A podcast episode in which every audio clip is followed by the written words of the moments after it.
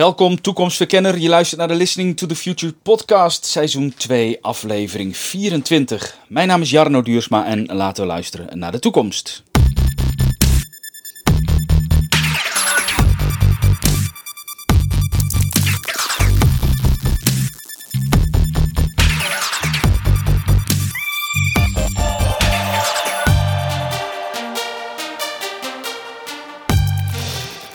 Hey, welkom en leuk dat je er weer bent bij de Listening to the Future podcast. Mijn naam is Jarno Duursma, ik ben trendwatcher, digitale technologie, spreker en auteur.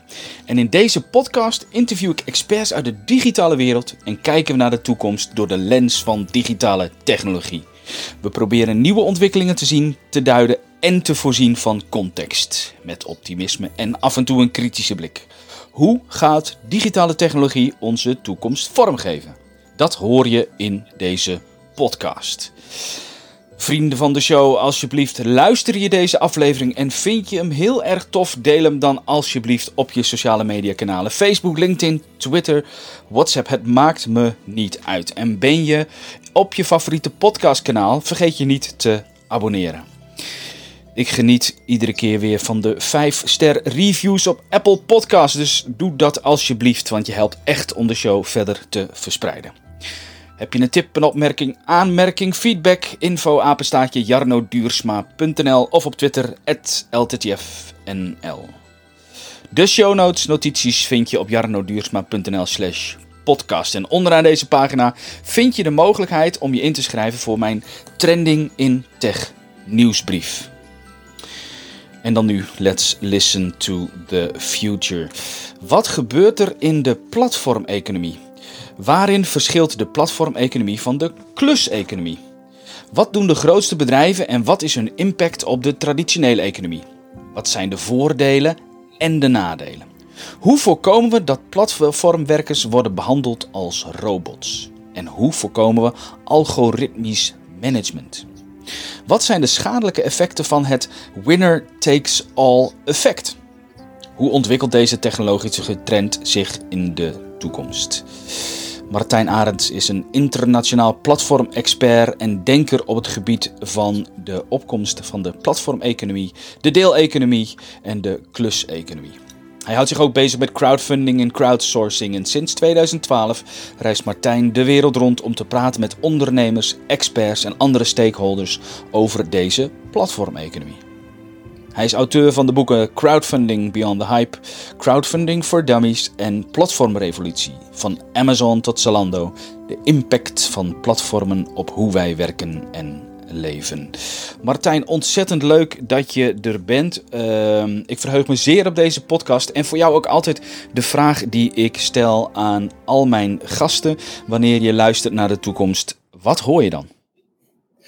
Ja, dat is een goede vraag. Zeker in deze coronatijd. Hè. Je, zou eigenlijk eerder antwoorden uh, een, een, een, stilte en onzekerheid.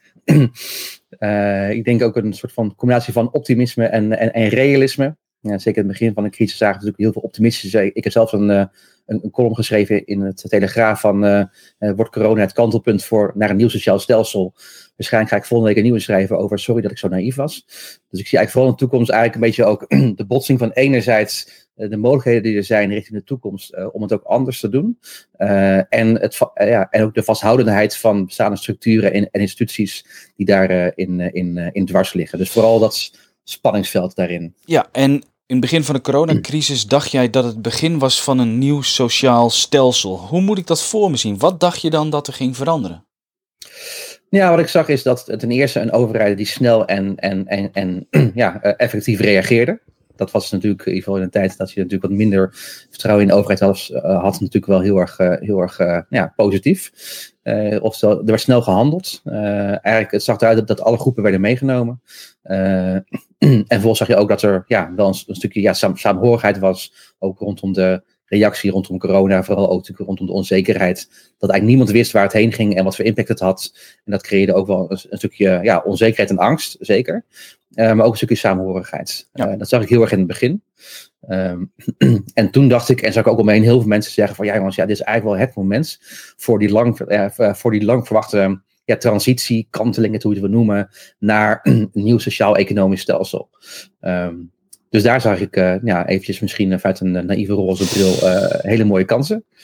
Ja, dat snap ik ook hoor. En met jou vele anderen hoor. Dus daar was je absoluut niet uniek in. Wat ik vooral natuurlijk wel interessant vind, is om straks even te verkennen.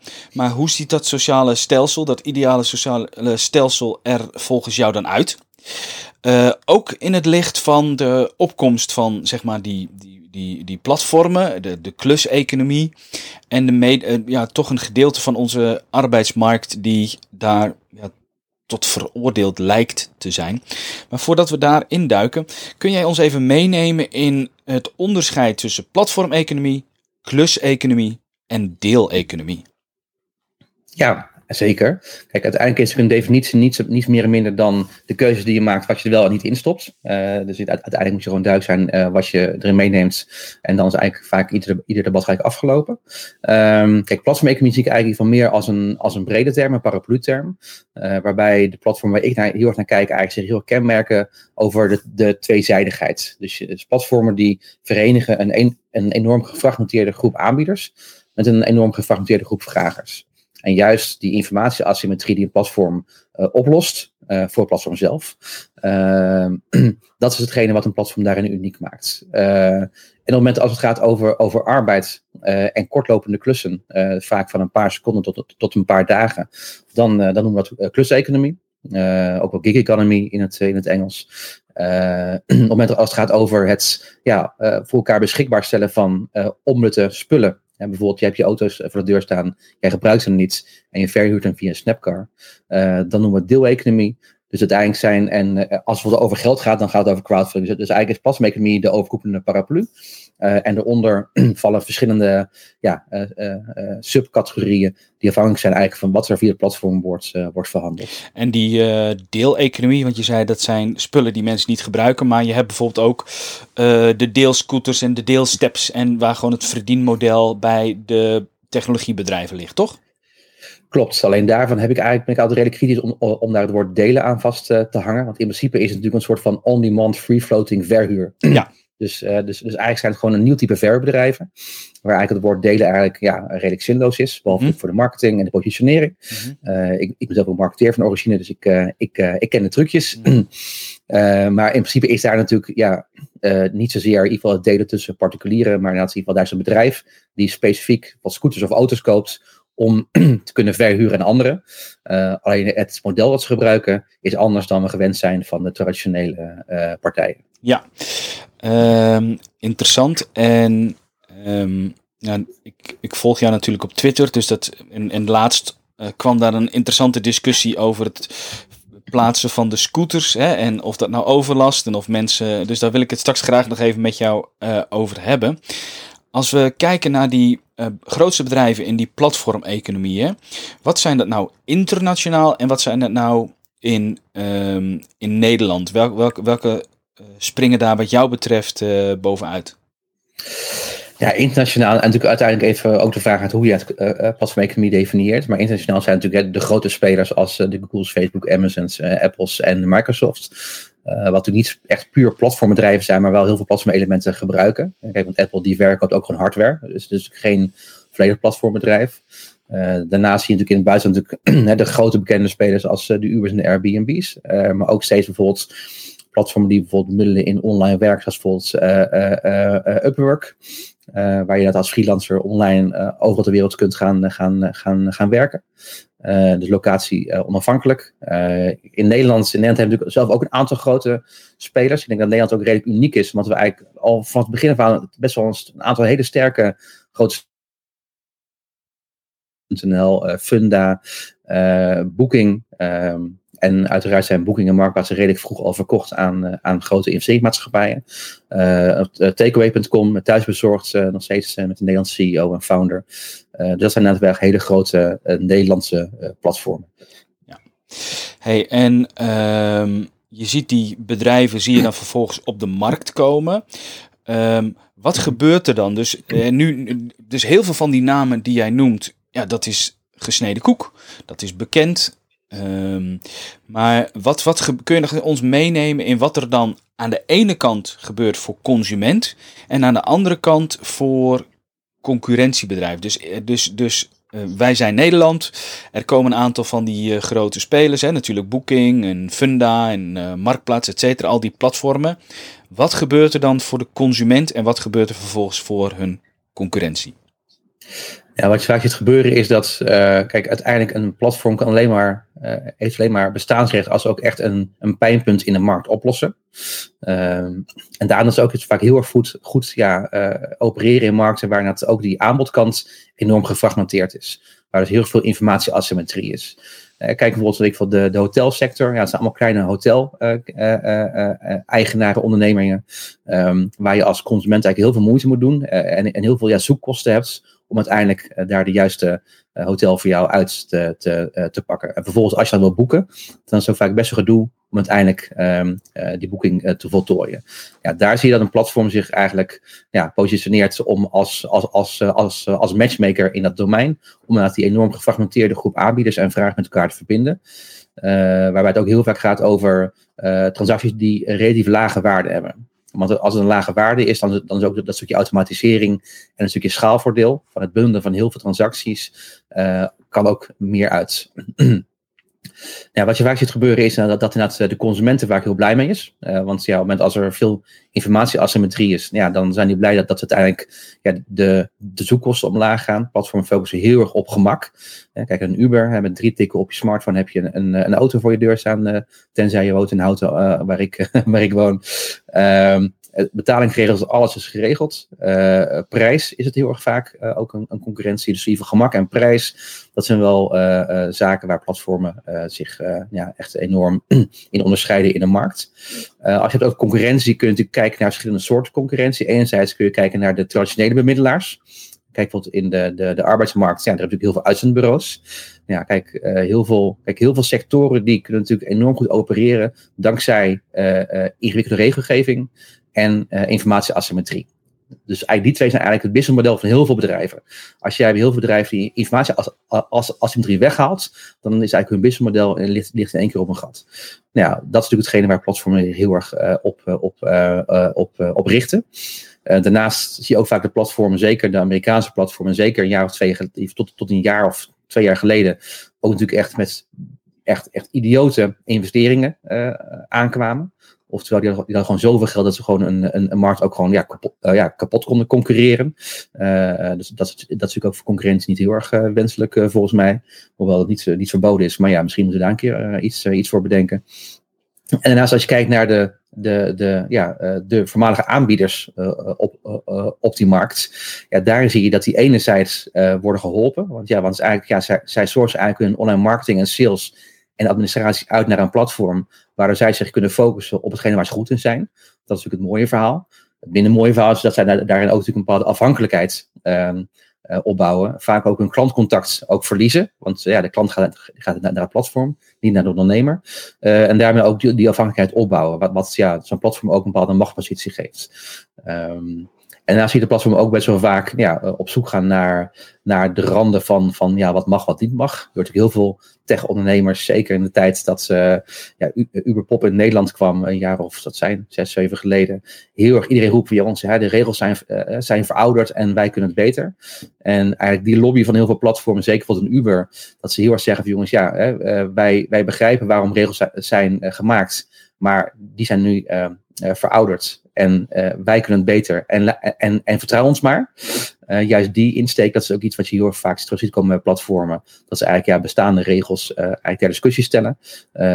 Terwijl ja, over het algemeen de regels ja, waarschijnlijk wel een stuk minder kunnen.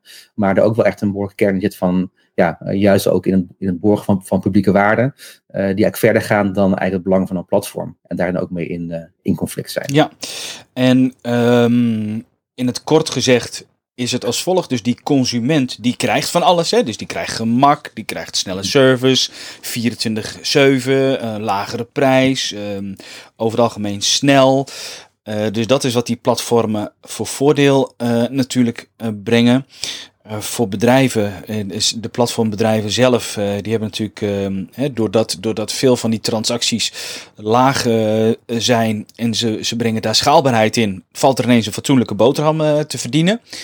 Dus dat is. ehm, eh, maar waar, waar ik dan vooral aan zit te denken is. We nemen even, bijvoorbeeld even Booking.com als voorbeeld voor hotels, eh et cetera.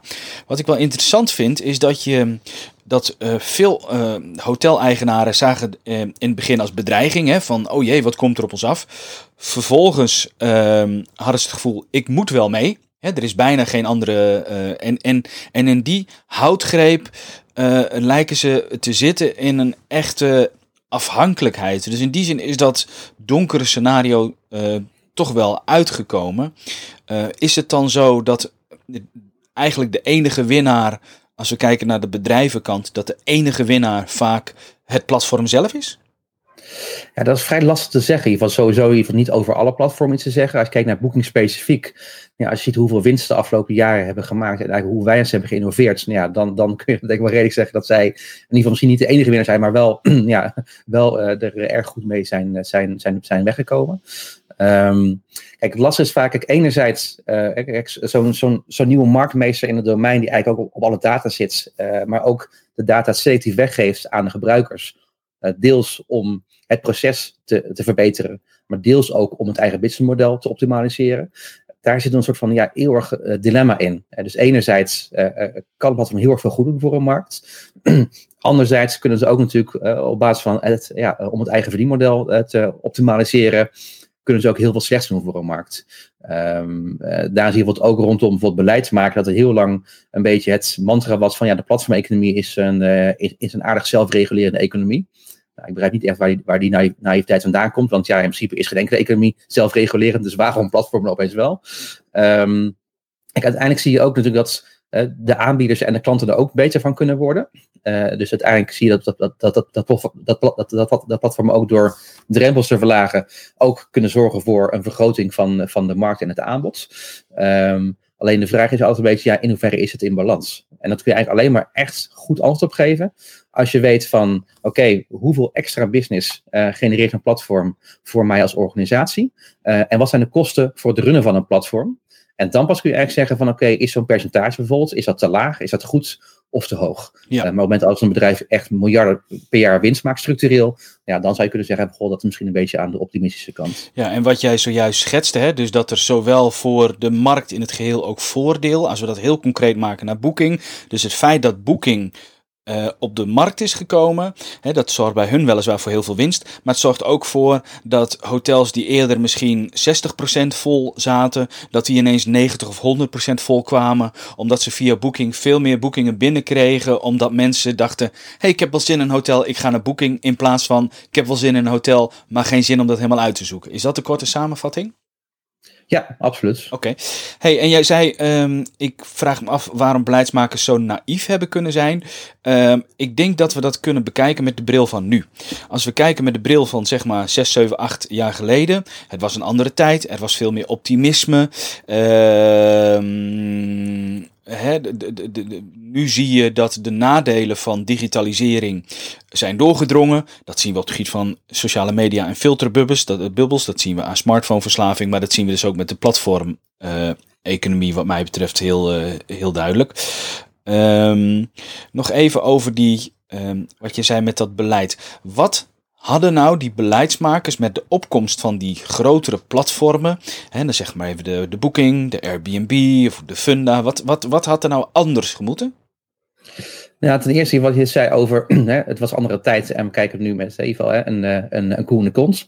Ehm, dat is ook deels waar, maar dat pleit natuurlijk niet zomaar vrij van oké, eh, van hadden er ni- niks kunnen weten. Ehm, ik denk eh, wat nu het, het, het grote probleem is, is er is, er is bijvoorbeeld een enorme onbalans in, in kennismacht. Er, is, er, is, er is enorm, re- of, of relatief weinig kennis rondom de nieuwe ontwikkelingen eh, binnen de overheid. Eh, eh, Europa, wat dat betreft, li- ligt eigenlijk ver voor op Nederland, eh, op, op nationaal beleid. Ehm, en op het moment als je niet weet waar je over praat, ja, dan ben je ook geen gelijkwaardige gesprekspartner en ben je altijd volgend en nooit leidend. Eh, want als jij ja, jouw kennis vooral moet, moet krijgen van degenen die, die betaald worden door platformen om jou die kennis te geven, eh, lees lobbyisten, public affairs mensen, allemaal hele aardig slimme mensen. Maar wel met een bepaalde boodschap. Um, dus enerzijds zie je dat juist die, die, die, uh, ja, uh, die onbalans in, in, uh, in, in kennis. daarnaast zie je dat ook als de kennis er is, die, die is echt enorm in silo's ingedeeld. Dus je, ja, ieder ministerie is met onderwerp bezig, maar er is verder geen horizontale borging. dus ook ja, die schaalvoordelen, die pakt de overheid daarin ook, ook, ook niet. Um, en daarnaast, als je zegt, ja, wat hadden ze beter kunnen doen? Kijk, dat blijft ook altijd een, een, een lastige. Kijk, enerzijds, als je het hebt over regulering, wil je niet iets te vroeg kapot reguleren en daarmee innovatie uh, uh, uh, om zeep helpen. Anders als je te laat bent. Misschien een, beetje hetzelfde met, met ingrijpen in de pandemie. je, zult het nooit goed doen voor iedereen. Want als je het te vroeg doet, dan vindt iedereen de, de, de maatregelen overdreven als je laat bent, dan ben je die lui in ieder niet uh, ja, vooruitstrevende uh, partij die het niet aan zou komen, terwijl de rest het wel zag. Want ze hebben natuurlijk iets, iets van 17 miljoen vi virologen in, in, in, ons land. Um, maar in ieder geval dat stukje kennis, dat is een, een, een, een hele belangrijke. Uh, en ook überhaupt het besef dat uiteindelijk de rol van de overheid is, technologie, is ook juist het borgen van die publieke waarden. en die rol die is, die is natuurlijk heel erg lang is nagelaten. En daar zie je nu wel langzaam en zeker wel veranderingen in ziet vooral vanuit Europa zie je uh, een aantal uh, nieuwe verordeningen die ook ja, daar dat, dat speelveld ook gelijker moeten maken. Um, maar alsnog uh, is er nog wel een behoorlijke, behoorlijke kluif die nog moeten worden ja, opgelost. Nou, mijn idee, hè, want ik volg het natuurlijk van de zijlijn en ik ben in, in, in geen enkel opzicht zo deskundig als dat jij bent in, in dit onderwerp. Maar ehm, wat ik vooral zie en dan kijk ik even naar de mensen die bijvoorbeeld in de kluseconomie afhankelijk zijn van dit soort grote platformen. Nou, wat zie ik dan? Ik zie afhankelijkheid, het gebrek aan gewoon normale zekerheden of zelfs niet eens goede verdiensten, uh, gebrekkige autonomie, gebrekkige privacy, niet voldoende geld voor scholing, uh, grotere kans op onveilige werkplek. En ook natuurlijk voor deze podcast hè, ben ik wat meer erover gaan lezen. En dan valt mij gewoon op hoe, hoe zo'n enorme donkere kant aan die kluseconomie zit. Even los van iemand in Indonesië die uh, in dollars betaald krijgt en nu een rijkelijk leven heeft. Maar voor veel mensen die um, helaas gedwongen zijn om dit soort werk te doen. En ik vermoed dat het komende jaar dat gaat toenemen. Hè, want de, de vraag aan de platformkant neemt toe en mensen hebben misschien minder werk. Maar dan, ik vind dat wel heel donker. Uh, zie ik het te donker of is dat het donker? Nee, je ziet het zeker niet te donker. Kijk, ten eerste, als je kijkt over kluseconomie, dus platform en arbeid. Uh, kijk, op zich, de platformwerker is hetzelfde als de ZZP'er of de werkende. Oftewel, het is een enorm divers uh, gezelschap van mensen die het enorm goed zijn, autonoom zijn en, en door platformen heel veel meer gaan verdienen. En de andere kant zijn de mensen die uit kwetsbaar zijn, die eigenlijk een soort van, ja, wat ik dan noem, dan uh, commodity arbeid even leveren. Oftewel werken wat eigenlijk iedereen makkelijk kan doen en daardoor extra kwetsbaar zijn. Uh, en wat platformen eigenlijk doen is eigenlijk dat vergroten. Kijk, platformen die zijn, zijn een soort van versneller van, van, van marktwerking. Um, maar ja, bij, bij, bij marktwerking weten we ook dat zonder goed beleid daarin, uh, dat, daar, uh, ja, dat, dat er ongewenste effecten komen. Uh, dus daar, daar ligt ook juist vooral die rol bij, die, bij die overheid. Dat is lastig ook heel vaak van, wat zijn nu uiteindelijk um, platformspecifieke vraagstukken? En dan heb je bijvoorbeeld over, over algoritmisch management. Dan heb je het over een soort van surveillance management, waarbij de werkgever continu meekijkt over wat je doet. Wat trouwens ook buiten platformen heel veel plaatsvindt. Aan de andere kant zie je ook dat er heel veel bestaande vraagstukken, onder andere over het, het, het, het ZZP-schap uh, en uh, het gebrek aan zekerheden daaromheen. Ja, daar leggen eigenlijk platformen een hele harde vinger op een bestaande zere plek. Uh, er was vanochtend nog, nog een, een arbeidseconoom, die stuurde een, een tweet, ik pak me even erbij. Die zei van, er was een artikel over, over hoe de flexibilisering in India aan het groeien is. waarbij hij aangeeft, goh, dit is eigenlijk een goed artikel over de risico's van flexibilisering.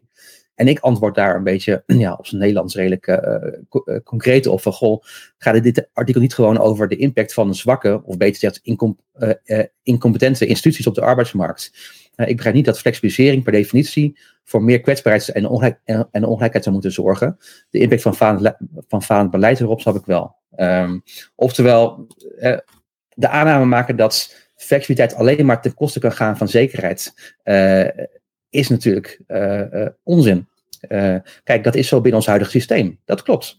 En we weten al tien jaar dat het, dat, dat, dat, dat het systeem aan, aan, aan onderhoud ja, onderhevig is. maar alsnog, um, ja, die aanname en je, wanneer, en je er neerlegt dat die virtualisering alleen maar ten koste kan gaan van die zekerheid en die kwetsbaarheid. Ja, vind ik een beetje ambitieloos. Maar het is wel wat jij schetst. Dus die, als we kijken naar de kluseconomie, waarbij mensen klussen doen, soms uh, klussen van een paar seconden en soms van een paar dagen. Um, die legt de vinger op de zere plek van uh, hoeveel werk willen we uitbesteden, hoeveel als land, hoeveel mensen willen we in wat meer onzekere situaties um, hebben. En hoe voorkomen we eigenlijk ook, hè, dat zie je natuurlijk nu ook in de, met ZZP'ers. Daar is een groep die verdient goed en daar is een groep die verdient uh, slecht. Wat zou dat um, eigenlijk, ik hoor jou volgens mij zeggen, het is een kwestie van goed of slecht beleid. Is dat, is dat, is dat waar? Is dat een goede analyse? En vraag 2, uh, eh, kun je dat dan op Europe Europees niveau goed regelen? Want het is gewoon een wereldwijd fenomeen. Uh, de eerste vraag, uh, is het vooral een kwestie van beleid, wat ook heel erg eenvoudig klinkt, maar natuurlijk veel complexer is dan het, uh, dan het zo eerst lijkt? ja. Um, want uiteindelijk maakt natuurlijk als samenleving van ja, hoe borgen we publieke waarden die we als samenleving belangrijk vinden in onder, onder onze arbeidswetgeving. Uh, en dat zijn dingen, kijk, en daarom maak je vaak keuzes die goed zijn voor het collectief en misschien in sommige gevallen minder voor het individu. Maar dat zijn keuzes die je maakt, zijn gewoon politieke keuzes. Um, het is een hele lastige opgave, omdat het echt wel ja, een hervorming vraagt van ons arbeidsmarktstelsel, waar we natuurlijk al iets van tien jaar tegenaan lopen. Uh, en misschien is het nu, nu een keer tijd om daar een keer echt iets bezig te gaan doen, hoewel ja, ik niet verwacht dat dat heel erg snel zal, zal gebeuren. Uh, Europees regelen, kijk, uiteindelijk, je hebt met de kluseconomie heb je twee soorten markten. je hebt de markten waar de, waar de transactie fysiek plaatsvindt, oftewel vraag en aanbod die ontmoeten elkaar in het echt. Bijvoorbeeld de, de, de schoonmaker, de, de, de barmedewerker, de whatever. En je hebt online werk, uh, waarbij vraag en aanbod zich vaak op andere continenten begeven. Um, we vinden het al heel lastig om die eerste uh, categorie, om daar iets uh, van te vinden en om dat goed te regelen. waarbij die tweede categorie eigenlijk heel vaak in heel veel discussies een beetje wat ik had noemde de pink elephant in the room is. Iedereen weet dat die er is, maar niemand begint erover. Waarom? Kijk, een Europese arbeidsmarkt is een utopie. Uh, uh, want dat gaat gewoon niet, niet, niet, niet lukken. Dat is zo complex, lappendeken. Uh, daar is ook geen wil om daar iets Europees voor te doen. Dat, dat, is, dat is redelijk kansloos. laat staan een mondiale arbeidsmarkt. Kijk, wat je dan wel kunt doen, bijvoorbeeld Europees wat er is, is kijken van oké, hoe kunnen we een aantal uh, ongelijkheden Europees uh, regelen. Uh, bijvoorbeeld is bijvoorbeeld nu een nieuwe verordening, afgelopen juli uitgekomen, de Platform to Business verordening, die platform met een professional aan de aanbiederskant en een consument aan de vraagkant verplicht om bepaalde transparantie te geven in hoe, is, hoe is de, in ieder geval op, um, op basis van welke variabelen maken de algoritmes de keuzes om jou bijvoorbeeld van een platform af te gooien. Uh, hoe wordt de volgorde van een zoekresultaat uh, bepaald? Bijvoorbeeld thuisbezorg.nl is daar heel erg bekend over. Ja, uiteindelijk, die zeggen allemaal van, goh, ja, wij, wij geven jou als, als, als consument het beste zoekresultaat, maar vervolgens moeten we restaurants betalen om bovenaan te staan. Oftewel, dat is redelijk met elkaar in, in conflict. Ja, dat soort regelingen uh, verplichten eigenlijk platformen om daarvoor bepaalde transparantie in te bieden. Dat zijn wel dingen die Europees kunt regelen. Maar een Europees arbeidsmarktstelsel zou natuurlijk hartstikke mooi zijn. Maar een, een, redelijke verre utopie die ja, waarschijnlijk de komende 50 jaar niet, niet plaats zal vinden. Ja, dat is wel een troosteloze constatering. Want ik zou toch hopen dat de mensen die nu veroordeeld zijn tot uh, zeg maar de kluseconomie. En dan heb ik dus niet over de mensen die daar een goede boterham, maar die echt daarvan afhankelijk zijn, omdat ze bijvoorbeeld gaten in hun cv of noem maar op, of onvoldoende scholing. Of, um, um, het moet toch mogelijk zijn om deze mensen goed te beschermen. Hoe doen we dat? Wat is daar überhaupt voor nodig? En, en hoe gaan we dat dan doen? Ja, dan moet je niet alleen maar naar, naar, naar, de kluseconomie kijken. Kijk, heel simpel. bijvoorbeeld en dat is ook vaak een probleem in een debat, dat vaak de realiteit uh, buiten beschouwing wordt gelaten. Een voorbeeld, op een gegeven moment uh, toen klaagde FNV, die klaagde Helpling aan, een platform voor thuisschoonmakers. En zij zeiden van, ja, jullie moeten die schoonmakers in dienst nemen. En toen zei ik in, in een blog, ja jongens, maar dat is gewoon complete onzin. want wat is de concurrent van Helpling? Niet een schoonmaakbedrijf, wat natuurlijk in die, in die ideale wereld zou zijn. Nee, de zwarte markt. En als jij de zwarte markt ontkent dat die er is, ja, dan mag je prima in je eigen bubbel leven. Maar dan, ja, dan mis je echt wel iets belangrijks in het debat. Kijk, het probleem daar is in de kern dat wij als consumenten natuurlijk waardeloze werkgevers zijn. En de mensen die voor ons werken het liefst zo min mogelijk betalen. Hè, gratis bezorging, goedkope schoonmaak. We gaan allemaal onze schoonmaakers echt niet 18 of 20 euro per uur betalen. Liefst 12, 12,5 euro per uur. Um, dat is een gegeven. Uh, en vervolgens is het een politieke keuze wat je daarmee doet. En daarom hebben ze bijvoorbeeld in België dienstenchecks. Uh, of in Scandinavië en Frankrijk hebben ze belastingvoordeel. Waarbij eigenlijk de overheid heeft gezegd van ja, wij, wij zien dit, wij erkennen dit. Dit gaat niet veranderen.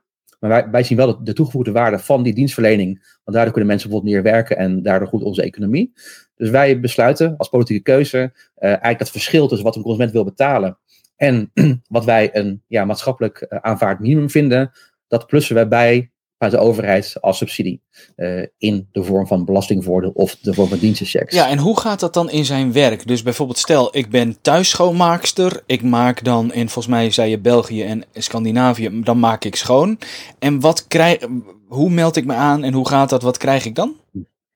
Nou, uh, in, uh, in Scandinavië uh, kun je als, als, als, als opdrachtgever, als, als consument, kun je dus bepaalde subsidies krijgen, waardoor ja, je uiteindelijk de schoonmaakster gewoon een goed tarief kan geven, of in ieder geval een goed, in ieder geval gewoon een, een maatschappelijk oké tarief, ja. en vervolgens daar bepaalde belastingteruggave op, op krijgt. Mm -hmm. in, in België heb je een ehm, een systeem met dienstenchecks, waar eigenlijk via centrale organisaties eigenlijk die, die, die, diensten worden ingekocht. En dat, ik weet niet hoe het werkt, maar uiteindelijk komt erop neer dat uh, de consument uh, het bedrag betaalt wat ze eigenlijk normaal zouden betalen. Mm -hmm. uh, maar de schoonmaakster, dat vaak, vaak vrouwen, um, um, het bedrag krijgen wat wij als een maatschappelijk ja, aanvaard minimum vinden. Oké, en werkt dat dan, zeg maar? Want ik kan me voorstellen dat ook dat, dat fraude wat in de, in de hand is. Dan zeg ik bijvoorbeeld tegen de overheid, ik doe haar vier uur in de week, maar ondertussen is het maar twee uur in de week.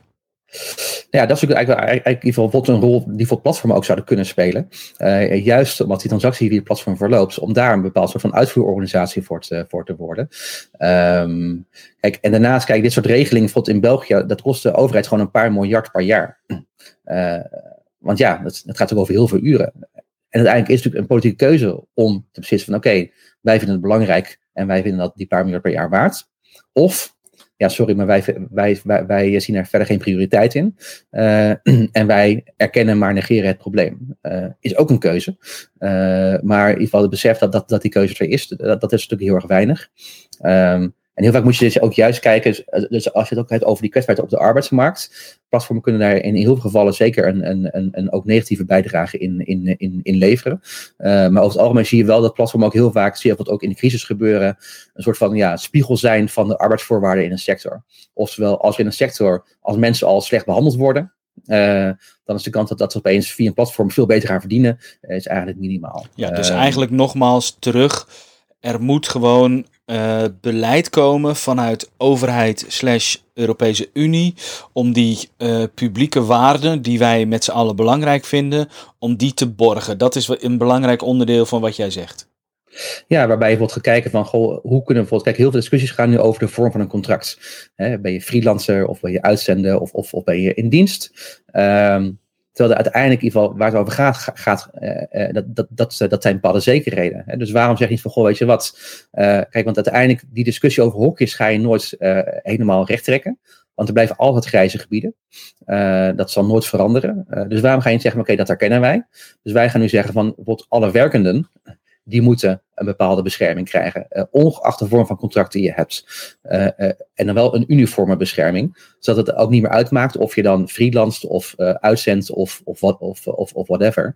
Dat je ervoor zorgt dat, eigenlijk al dat soort ja, zekerheden die je belangrijk vindt als maatschappij, zijn geborgd als één uniform systeem. want als jij continu nu blijft focussen op die vorm, op die vorm van contract, ja, dan blijf je gewoon een beetje aanklooien. En dan blijf je, ja, kijk, uiteindelijk zijn ook zeker platformen heel erg creatief in het, in het aanpassen van het systeem. Kijk, een platform is wat ze noemen een private regulator. Dus als marktmeester kunnen ze heel erg makkelijk, kunnen ze de regels van het spel met een paar regels code kunnen ze aanpassen. Dat zag je wat gebeuren in Amerika, in Californië. Op een gegeven moment kwam daar de AB5-wetgeving met als doel om dus de platformen te dwingen om hun uh, ja, aanbieders in dienst te nemen.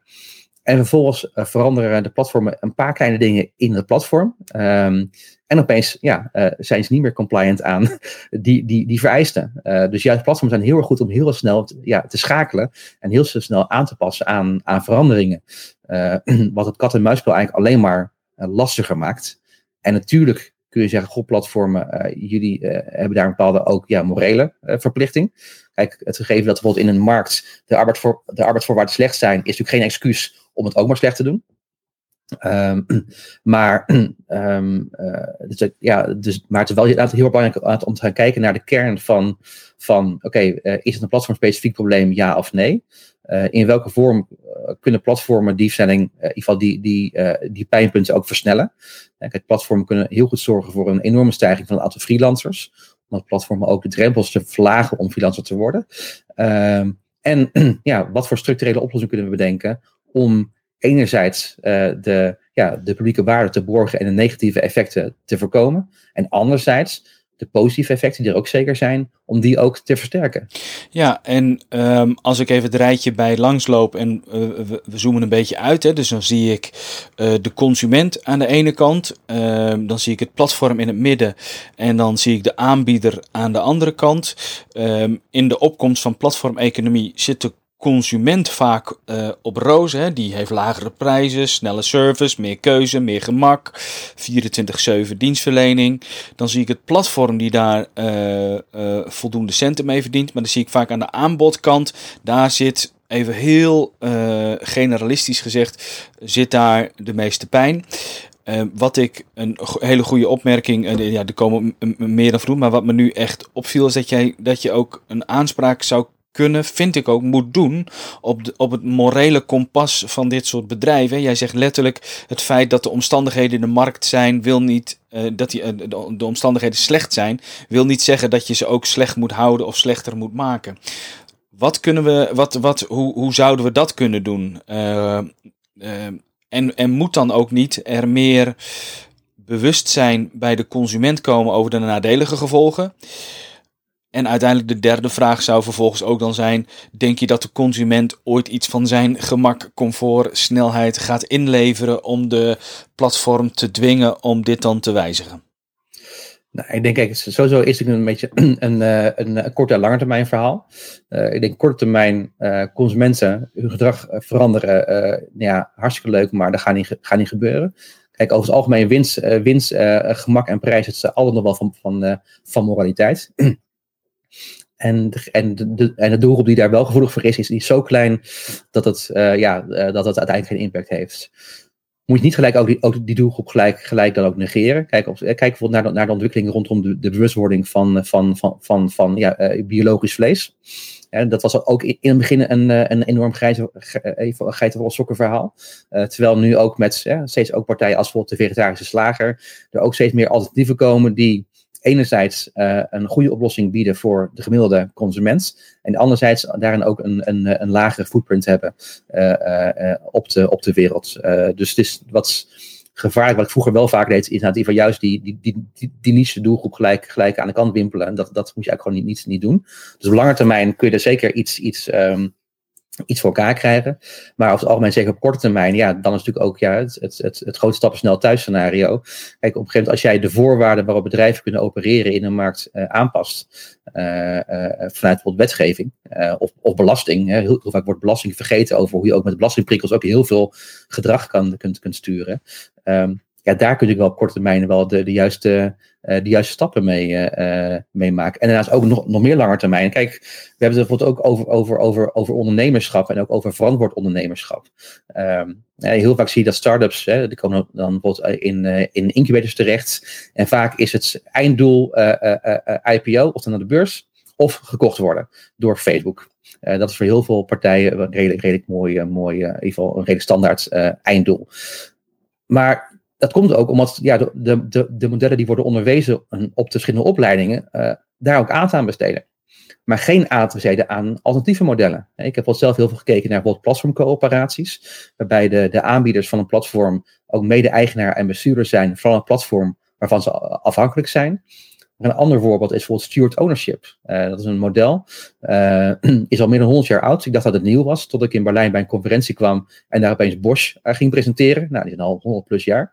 Uh, tegen dit, was ook een mooie aflevering ook over gemaakt. Waarbij, kijk, want in principe er is niks mis mee, uh, met geld verdienen. Uh, en een investeerder mag prima beloond worden voor de risico wat hij neemt. Uh, daar is niks mis mee. Um, maar het gaat erover dat uiteindelijk de, de, de beloning niet, niet exclusief is voor, voor de organisatie waar het uit wordt getrokken. En wat bijvoorbeeld zo'n model doet, het steward ownership model, die, die ligt eigenlijk al in het hele design, in het, in het juridische model al vast.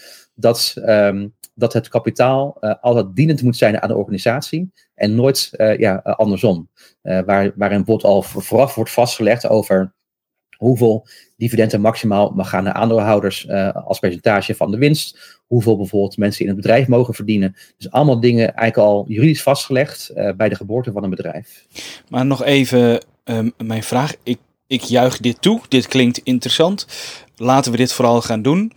Ehm, maar zijn we op een aantal vlakken dan al niet te laat? Omdat we in sommige domeinen, neem nogmaals een booking.com in de hotelmarkt, is, is, die, is dat volume al zo groot? Is het echt een winner takes all?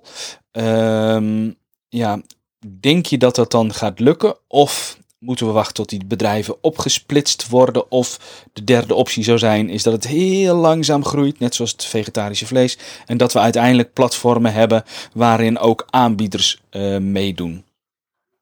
Nou, ik zou, ik zou niet zozeer zeggen of, of, of, maar meer en, en, en. Ik denk dat uiteindelijk ieder stap die je maakt daaraan bijdraagt. Kijk, het, uh, we zijn laat in de strijd, maar het is geen verloren strijd. Uh, um, en uiteindelijk, in ieder geval, zie je ook dat zelfs voor grote platformen, kijk wat naar Hives. Hives was natuurlijk hartstikke kip, tien jaar geleden.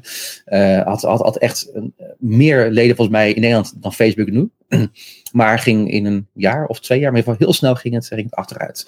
dus uiteindelijk zie je ook bijvoorbeeld, zeker ook bijvoorbeeld bij, bij een boeking, ja, het, het, het innoverend vermogen van zo'n bedrijf is ook beperkt. Wat voor heel veel ruimte geeft. En zeker ook voor bedrijven, platformen die gaan ook steeds breder wat ze ja, eh, meer markt willen hebben. En juist door breder te gaan, uh, wordt hun ja, uh, customer journey voor juist specifieke gevallen uh, minder goed, omdat het meer algemeen wordt. Wat we heel veel ruimte geeft voor niche-platformen. Um, en daarnaast is het ook belangrijk om te beseffen, kijk, we hebben het heel vaak over platformmacht. En natuurlijk is, het met macht met data, geld vooral, heel veel geld. Maar in principe, kijk, platformmacht is macht bij gratie van de gebruiker ik ben redelijk praktisch ingesteld en zeg altijd, jongens, kijk, alles kan stuk. Kijk, een, een platform zonder gebruikers is niks waard. Uh, dus daarom dat ik bijvoorbeeld ook, ook, ook, ook, ook heel veel mij, mij verdiep in bijvoorbeeld vakbonden. Kijk, de vakbonden zoals ze nu zich hebben georganiseerd, ben ik niet heel erg fan van. en het model wat ze, wat ze nu hebben is ook redelijk een, een ja, doodlopende weg. want ja, er gaat meer geld uit dan er inkomt, dus ja, dat houdt een keer op. Um, Maar het idee, kijk, wat platformen doen, is een enorm gefragmenteerde markt bij elkaar brengen en die schaalvoordelen benutten voor die markt. Wat een vakbond doet, is hetzelfde. Wat bijvoorbeeld een, een, een, grote werkgeversorganisatie of, of een, een horeca Nederland doet, is hetzelfde. Een enorm gefragmenteerde groep mensen of, of bedrijven of, of, of partijen met elkaar verenigen en die schaalvoordelen probeert te benutten. Dus op het moment als jij zegt van, goh, weet je wat, wij gaan bijvoorbeeld als horeca ons goed organiseren en we gaan of een eigen platform starten, wat echt nog wel een behoorlijke klus is. Is een paar keer geprobeerd, maar uh, ja, uh, vaak wordt het echt zwaar onderschat. kijk bijvoorbeeld, kijk bijvoorbeeld naar Booking, nee, naar, naar, naar, naar een Uber. Uber was voor COVID, werkte bij Uber op kantoor, wereldwijd, 27.000 mensen. Dus het idee van het is een appje, die bouw je en volgens is je live, is, is, is redelijk naïef. Maar wel doorgaans wel ja, de manier waarop die je naar kijken. Anderzijds wat je kunt doen, hè, bijvoorbeeld er is een, een, een leuk paper van onder andere Jaap van Sloten over, de, over de werkerscoöperatie. Goh, wat nou als je al die aanbieders met elkaar verenigt in, een, bijvoorbeeld in een coöperatie en vervolgens vanuit de coöperatie gaat onderhandelen met uh, die grote platformen. Juist omdat machtsonbalans gewoon een stukje uh, meer in balans. Je hebt dingen rondom de, de, de, de datavakbond. horen we helaas niks meer van, maar het idee is natuurlijk hartstikke interessant. En wat nu in de, in de UK heb je een rechtszaak van Uber-chauffeurs naar Uber toe. Wat die hebben gedaan is, die gingen kijken van ja, wij willen ook bewijslast over de manier waar, waarop wij worden aangestuurd, uiteindelijk had ze daarin het doel om dus ja, te kunnen bewijzen dat ze gewoon werknemer zijn en geen freelancer. Wat hebben ze gedaan? Ze, ze zijn een coöperatie gestart. Uh, en vervolgens hebben enkele van duizenden Uber-chauffeurs via, via, via de AVG, uh, GDPR-verzoek, hun data opgevraagd bij Uber. Die data hebben ze volgens met, uh, met z'n allen gepoeld. En zo proberen ze eigenlijk die algoritmes van Uber te, te reverse engineeren. en dat gebruiken als bewijs. Dus juist het idee van elkaar verzamelen en eenheid vanuit een van de zijden van een marktplaats is natuurlijk een enorm sterk iets om zo'n marktplaats um, te, ja, om daar in ieder geval een betere balans in te krijgen. Ja, ik moet zeggen, wat jij, die case die jij nu vertelt, is hyper interessant. Hè? Dus dat je met z'n allen uh, als gefragmenteerde uh, groep uh, samenkomt, je data opvraagt en dan daar iets uit probeert te leren. Wat ik mij nog kan herinneren, maar dit dat ik heb mij een jaar of twee geleden heel erg verdiept in surveillance door de werkgever. Hè? Dus welke tools, niet alleen in, in dit kader, maar ook meer op kantoor, toetsenbord aanslagen, welke websites je bezoekt, et cetera. En toen weet ik nog dat Uber best wel heel verder ging, dat ze ook gingen monitoren van uh, komen die chauffeurs dan bij elkaar of groeperen ze dan bij elkaar, omdat het misschien zou duiden op uh, uh, protest of wat dan ook. Weet jij daar iets van, surveillance? Ja, kijk, het probleem is natuurlijk heel vaak met techbedrijven is dat ze heel vaak uh, technisch kijken en niet zozeer wat, wat, uh, wat, wat moreel. Hè? Of mm -hmm. dat is het is vaak heel veel nerds bij elkaar. Die kijken om zeggen, dit is cool, het kan. Ja. Uh, en Uber is er zeker in het begin natuurlijk een heel erg ja, duidelijk voorbeeld van geweest. Ze hadden op een gegeven moment ook een, een app die heette, dat was de, de, de Grayball app. En die konden ze uiteindelijk op basis van bepaalde data konden zij identificeren of jij een, een, een inspectiemedewerker was. Uh, onder andere door te zeggen, goh, weet je wat, hier is, hier, hier, is het kantoor van inspectie. Ja, als je, daar, als je iedere keer van daar een uur bestelt, dan, dan, dan werk je voor inspectie. En vervolgens hadden het zo geprogrammeerd dat iedereen die dus ja, op basis van data dus ja, eh, het vlaggetje kreeg van ja, mogelijk inspectie, die kregen een schaduw-app uh, waar geen Uber-pops te, te, te, bestellen waren. Uh, nou, natuurlijk technisch natuurlijk waanzinnig, moreel natuurlijk redelijk verwerpelijk. Um, dus uh, daar zie je dat ja, uiteindelijk ja, heel veel platformen vaak uh, ook vanuit ja, meer ja, technisch gedreven en ook vaak ja, niet, niet echt heel erg moraal nadenkend. En ook vaak ook, hè, natuurlijk ook heel, heel vaak zijn het ook heel, heel snel groeiende bedrijven, waarin ook ja, daarin iedereen natuurlijk redelijk autonoom werkt. Ja, en dat heeft ook daarin zeker ook zijn, uh, zijn, zijn, zijn, nadelen. Um, kijk, wat je nu meer ziet is, is, is, is ook bijvoorbeeld vraagstukken van, goh, moeten we bijvoorbeeld die algoritmes van die bedrijven niet accountable maken? Kijk, enerzijds kun je zeggen, gewoon maak ze transparant. Uh, of laat de overheid erin kijken. Ja, ik denk dat dat redelijk onwenselijk is. Ten eerste heeft de overheid daar natuurlijk niet de, de, de, ja, de skills voor om dat te kunnen.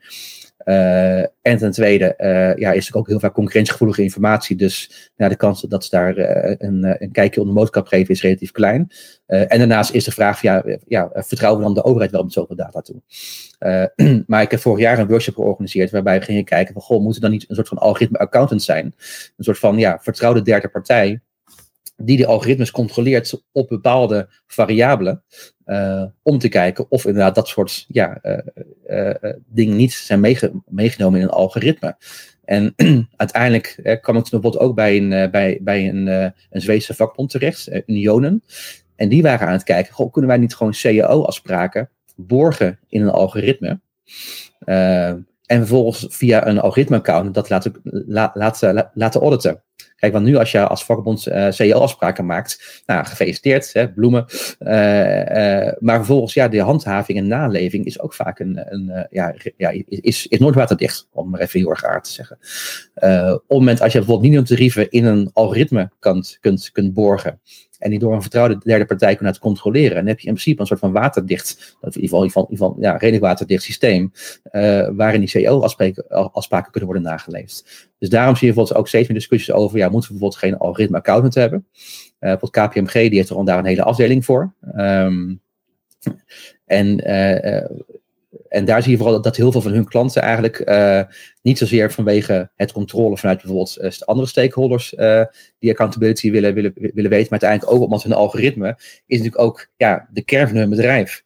En als daar iets mis mee gaat en ze begrijpen niet hoe die werkt, dan hebben ze een serieus probleem. Dus ook puur vanuit risicoperspectief willen zij gewoon goed weten hoe het algoritme in elkaar zit en dat die ook goed wordt, wordt gemonitord. Nou, daarop kun je natuurlijk prima inspelen door ook bijvoorbeeld bepaalde ja, controles op ja, activiteiten die we als samenleving niet willen binnen die processen te kunnen, te kunnen Ja, want dan lijkt het me toch heel makkelijk. Hè? Dan doe ik even voor uh, Uber in uh, Nederland, uh, dan zou je toch als overheid, ehm, als je daar afspraken, bijvoorbeeld in een CAO, misschien valt het onder CAO vervoer en transport, ik verzin allemaal dingen te plekken hoor, maar dan zou je toch gewoon tegen Uber kunnen zeggen, oké, okay, de chauffeur mag niet langer dan zoveel uur achter elkaar werken, die moet minimaal uh, zoveel verdienen. Dat kun je dan toch ook allemaal in. Dan, dan gaat gewoon op het moment dat zo'n chauffeur tien uur achter elkaar heeft gereden, dan gaat de app gewoon op zwart. Of is dat een te simpele van, van de oplossing? Nou, ik denk dat het een, een, een goed begin is van een, van een denkexercitie. Kijk, waar we met die workshop achter kwamen is van. De vraag is natuurlijk ook vanuit regeldruk: is het. Um, is het ja, te verantwoorden dat een digitale bemiddelaar extra regels krijgt, terwijl een offline bemiddelaar die niet krijgt. Um, want daar kan het niet bij. In ieder geval is een vraag en een keuze, prima. Um, daarnaast, kijk, uh, kunnen mensen vaak via meerdere platformen werken. Dus als Uber zegt van, god, nou, van na 40 uur, van 60 uur, ga je op zwart voor de rest van de week. Nou, prima, maar dan ga ik ergens anders ga ik, uh, ga ik, uh, ga ik, ga ik aan de slag. dus enerzijds is daar de uitdaging van de, de, de platformsmiddelingenwereld, die natuurlijk natuurlijk nog relatief klein is, versus de rest van de wereld waar je ook gewoon aan het werk kunt gaan. Uh, en eigenlijk zou je dan meer als een overheid er meer een soort van meta-platform moeten hebben, waar, al, waar via API's al die, al die apps op kunnen intappen. zodat je gewoon kunt zien van oké, deze, deze persoon die uh, die, uh, die werkt uh, via platforms zoveel uur. er wordt ook gekeken naar bijvoorbeeld belasting, belastinginning via platformen, of in ieder geval belastingdata via platformen. want heel veel werk via platformen bevond zich voorheen ook natuurlijk heel in, in, in de zwarte markt. Is, is, is ook natuurlijk weer een gevaar voor platformen. Want uiteindelijk, ja, als jij via een platform werkt en je moet belasting betalen. En via via hoeft dat niet ja, dan is de kans dat je het via een platform doet ook natuurlijk heel erg klein. Dus uiteindelijk zitten bij al dat vraagstukken heel veel haken en ogen. Uh, maar het is wel in ieder geval een, een, een denkrichting die we natuurlijk daarin veel meer moeten verkennen. Waarbij we wel moeten oppassen dat we daar niet in te ver doorschieten. Om enerzijds uh, ja, qua concurrentie een ongelijk speelveld te creëren. Maar vooral ook de wenselijkheid van het bundelen van al die data. Want wat je wel ziet gebeuren is dat op het moment als, hè, ik heb het meegemaakt met de gemeente Amsterdam, met discussies rondom Airbnb. Goh, wij, wij, willen data van Airbnb om te kunnen handhaven. Als, we, als we die data dan toch hebben, dan is ook wel handig als we daar iets mee doen met de belasting. Dus het probleem is een beetje, is, ja, hoe ga je ook verborgen dat ook, ook, ook zo'n overheid niet uh, ja, oneigenlijk gebruik gaat maken van die data om andere dingen te doen die, die dan ook handig zijn. Hoe, ga je dat beschermen? Ja, dat snap ik. En uh, er zit in deze podcast allerlei kapstokken om nog weer een volledig losse podcast bijna over te maken. Zoveel interessante dingen. Het beeld doemt bij mij op als een meerkoppig, als een meerkoppige draak. Dus je hakt er één ding af en de pot weer een nieuwe op. Het is heel complex. Hè? Het is niet voor niets dat er nog geen goede regelgeving is of... Um, of, of toezicht. Hè? Dus het is heel complex. Um, dus dat snap ik. Hey, deze podcast heet Listening to the Future. Dus stel bijvoorbeeld over vijf jaar maken wij weer deze uh, podcast. Wat is er over vijf jaar veranderd? Of uh, wat, wat zie je dan? Zijn die huidige platformen nog groter geworden? Of uh, is het meer gefragmenteerd in niche dingen? hebben technologiebedrijven de platformen ineens een zeer sterk moreel kompas. Wat, wat, wat verwacht jij als je vijf jaar naar de toekomst kijkt? Nou, ik denk dat dat morele kompas zou, ik niet al te veel op hopen. Zeker niet, zeker niet in vijf jaar. Laten we gewoon lekker reëel erin blijven. Um, grappig wat je net zei, geval met dat, uh, met dat meerkoppige monster. Uh, misschien is nu juist het probleem dat, dat we te veel hoofden eraf hakken en niet kijken naar de kern en, uh, en zijn benen eraf hakken. of hem andere schoenen geven. waarschijnlijk kijk, kijken we naar het verkeerde. Uh, of zo meer, uh, we kijken meer naar gevolgen in plaats van oorzaak. Ik denk dat dat een, een, een, een uh, ook, ook, ook, een goede les is. Oké, okay, maar dan onderbreek ik je toch even. Hè? Wat zou dan die oorzaak, wat zijn dan die voeten of die benen die je moet afhakken? Hoe ziet dat er dan uit? Nou, bijvoorbeeld binnen arbeid, het, uh, ja, in ieder geval de, de, de ongelijkheid die er is binnen de arbeidsmarkt, die wordt versterkt door platform, maar in basis dat die ongelijkheid daar, daar, daar is. Dus laten we daar in ieder geval de urgentie voor, voor, voor oppakken. misschien ook gewoon erkennen dat de wereld ook niet eerlijk is, want de wereld is niet eerlijk en, en gelijk. Dat mogen we willen, maar dat is gewoon niet de realiteit. Um, En daar dan kijken, van, ja, hoe, kijk, want uh, enerzijds kun je zeggen, goh, hè, we willen bijvoorbeeld als overheid of, of als samenleving bijvoorbeeld eigen platformen. Of gaan kijken, ja, hoe kunnen we zorgen dat we enerzijds die, die, die publieke waarden in die basis beter kunnen borgen. En hoe kunnen we zorgen dat bijvoorbeeld met, met, met regelgeving ja, bepaalde uh, ja, uh, ongelijkheden, onder andere bijvoorbeeld rondom, rondom informatietoegang, kunnen, kunnen ja, gelijk trekken. Um, dus dat je in ieder geval meer vanuit die basis eigenlijk gaat werken in plaats van zeggen van goh, we zien een platform Uber, weet je wat, kijk, in principe, ja, je kunt zeggen van goh, Uber, uh, uh, weet je wat, uh, we, we verbieden het. maar daarmee heb je niet het, het, het, het probleem opgelost. dus denk ik iets te makkelijk, het zet iets, iets meer, iets wil symptoombestrijding. dat snap ik. Dat even over de meerkoppige monster. Dan even terug naar mijn vraag daarvoor. Uh, hoe ziet de toekomst er dan over vijf jaar uit? Jij zei dat morele kompas, laat dat maar achterwege, want het gaat niet groeien. Uh, schets nog eens het landschap van hoe het eruit ziet. Wat, wat is anders en wat is gelijk gebleven? Ik denk dat het heel erg afhangt van, van waar je in de wereld begeeft. Uh, ik denk dat we in Nederland vrij goede papieren hebben om het. Ik denk dat in ieder geval de, de centrale platformen zullen groter worden. Uh, alleen het voordeel wel is dat, is dat, dat we hier ook gewoon hele goede en zaken lokale spelers hebben, waardoor, uh, ja, waardoor er ook wel een soort van meer nationaal tegengewicht is. En die spelers die hebben bijvoorbeeld ook heel veel belang bij meer regelgeving, want die zich toch al, al, al vaak deels houden aan de westerse regelgeving. En kijk bijvoorbeeld bol.com versus Alibaba. Uh, als er meer regelgeving komt en meer handhaving, dat zal bol.com toejuichen en Alibaba zou dat waarschijnlijk uh, proberen tegen te werken. in vijf jaar zie ik vooral dat in ieder geval, hoop ik meer. In ieder geval laten we gewoon, gewoon puur even positief insteken. Dat het, debat veel meer gaat over, over ten eerste over oplossingen. Uh, dat het veel meer gaat op basis van kennis en niet op basis van aannames en politieke agenda.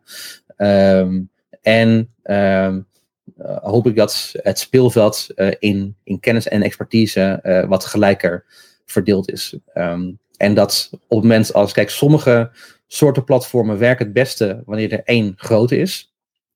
Uh, maar dat we wel hebben geleerd over hoe we die publieke waarde kunnen borgen uh, binnen zo'n zo'n winner takes all platform. En dat platformen waar een winner take all model niet um, vanwege het, model ja, de meest logische optie is, dat er ook gewoon steeds meer kleinere platformen zijn. Want uiteindelijk ook de kosten om om platformen te, te, bouwen en te onderhouden ook steeds, steeds lager worden.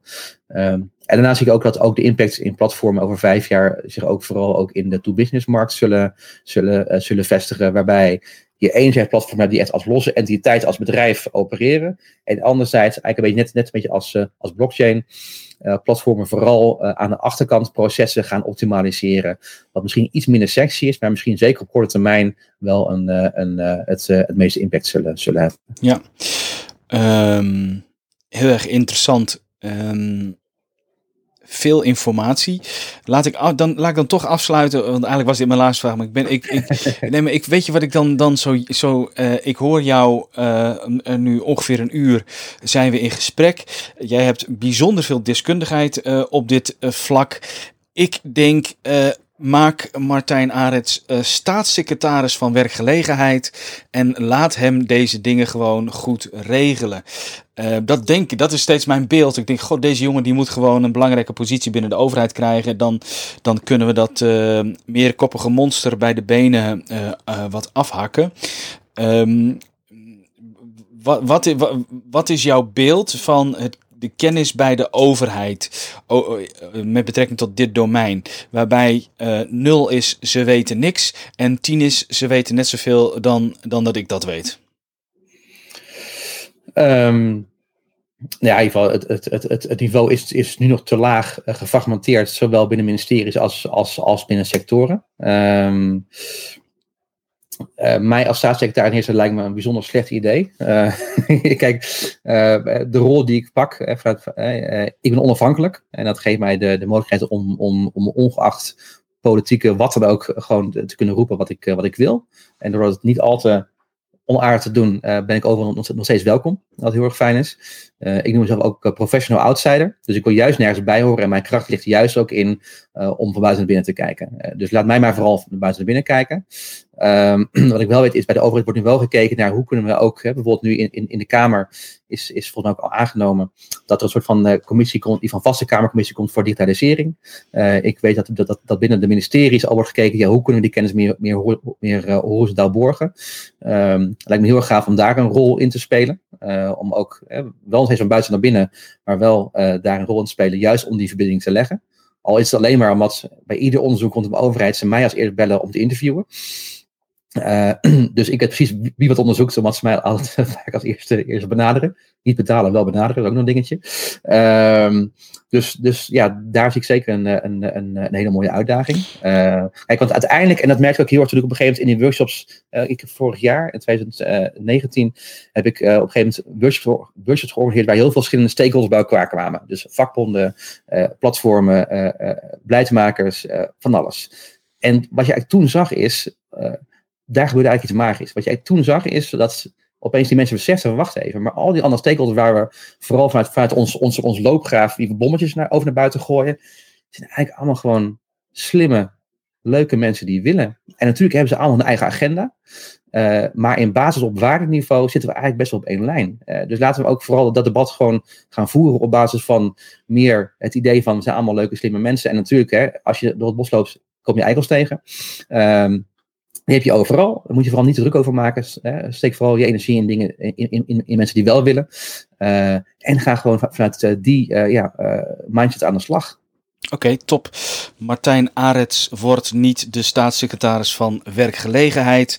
Hij is en blijft een internationaal expert en denker op het gebied van de platformeconomie, deeleconomie, kluseconomie, crowdfunding en crowdsourcing.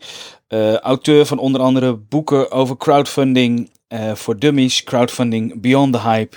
En zijn meest recente boek, die overigens bijzonder goed scoort op uh, managementboek, Platformrevolutie van Amazon tot Zalando. De impact van platformen op hoe wij werken en leven. Um, je hebt geluisterd naar aflevering 24 van de Listening to the Future podcast. Een, mag ik wel zeggen, compacte podcast. Um, vol met interessante inzichten over de platformeconomie. Um, ik ben flink wat wijzer geworden, uh, waarvoor dank uh, Martijn.